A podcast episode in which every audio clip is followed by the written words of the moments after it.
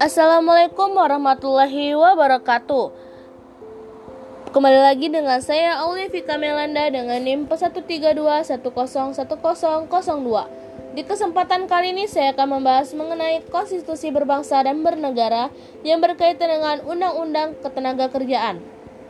Yang pertama saya akan membahas apa sih tujuan dirumuskannya pasal dalam ketentuan aturan tersebut Menurut Undang-Undang Nomor 11 Tahun 2020 Pasal 3 dibentuk dengan tujuan untuk A. Menciptakan dan meningkatkan lapangan kerja dengan memberikan kemudahan, perlindungan, dan pemberdayaan terhadap koperasi dan UMKM serta industri dan perdagangan nasional sebagai upaya untuk dapat menyerap tenaga kerja Indonesia yang seluas-luasnya dengan tetap memperhatikan keseimbangan dan kemajuan antar daerah dalam kesatuan ekonomi nasional.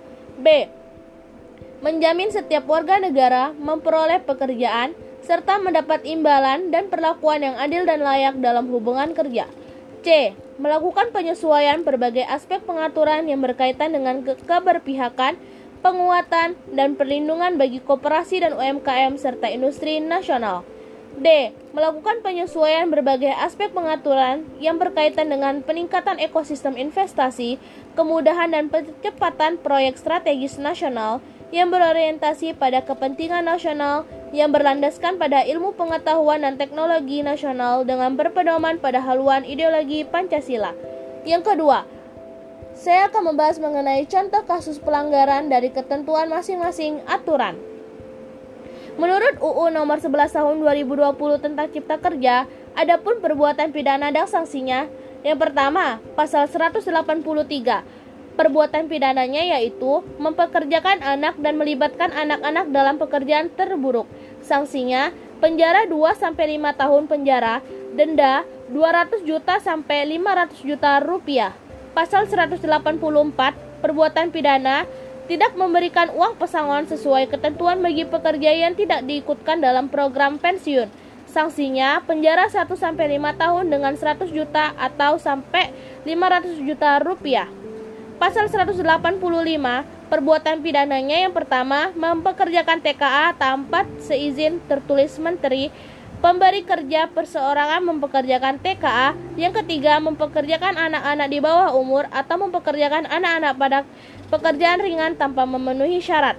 Yang keempat melarang pekerja melakukan ibadah sesuai peringatan agamanya masing-masing. Yang kelima tidak memenuhi hak-hak pekerja perempuan. Yang keenam membayar upah di bawah upah minimum. Yang ketujuh, menghalangi pekerjaan penggunaan hak-hak mogok. Yang kedelapan, tidak mempekerjakan kembali buruh yang dinyatakan tidak bersalah melakukan tidak pidana. Yang kesembilan, pengusaha yang tidak membayar uang penghargaan masa kerja dan uang penggantian hak pekerja yang terkena PHK. Sanksinya yaitu penjara 1 sampai 5 tahun dan denda 100 juta sampai 400 juta rupiah. Pasal 106 186 tidak memberikan perlindungan naker dalam penempatan.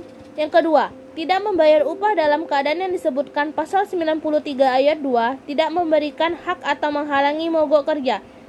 Sanksinya yaitu penjara 1 sampai 4 tahun dan denda 10 juta sampai 400 juta rupiah.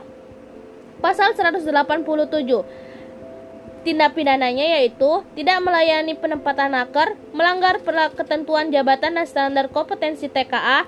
Yang ketiga, tidak memberi perlindungan bagi naker penyandang disabilitas. Yang keempat, tidak memenuhi syarat-syarat pekerja anak sesuai minatnya.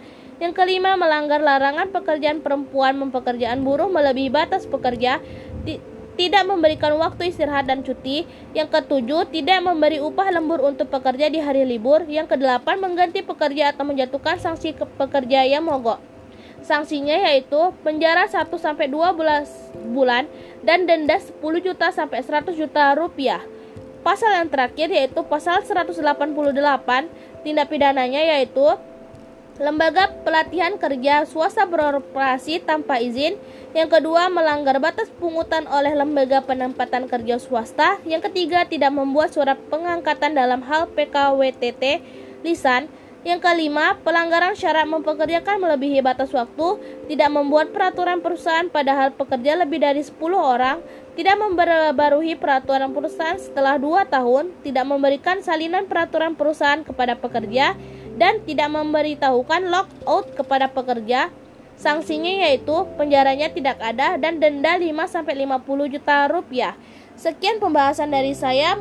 Apabila ada kesalahan mohon dimaafkan. Wabillahi taufiq wal hidayah. Wassalamualaikum warahmatullahi wabarakatuh. See you next time teman-teman. Dadah.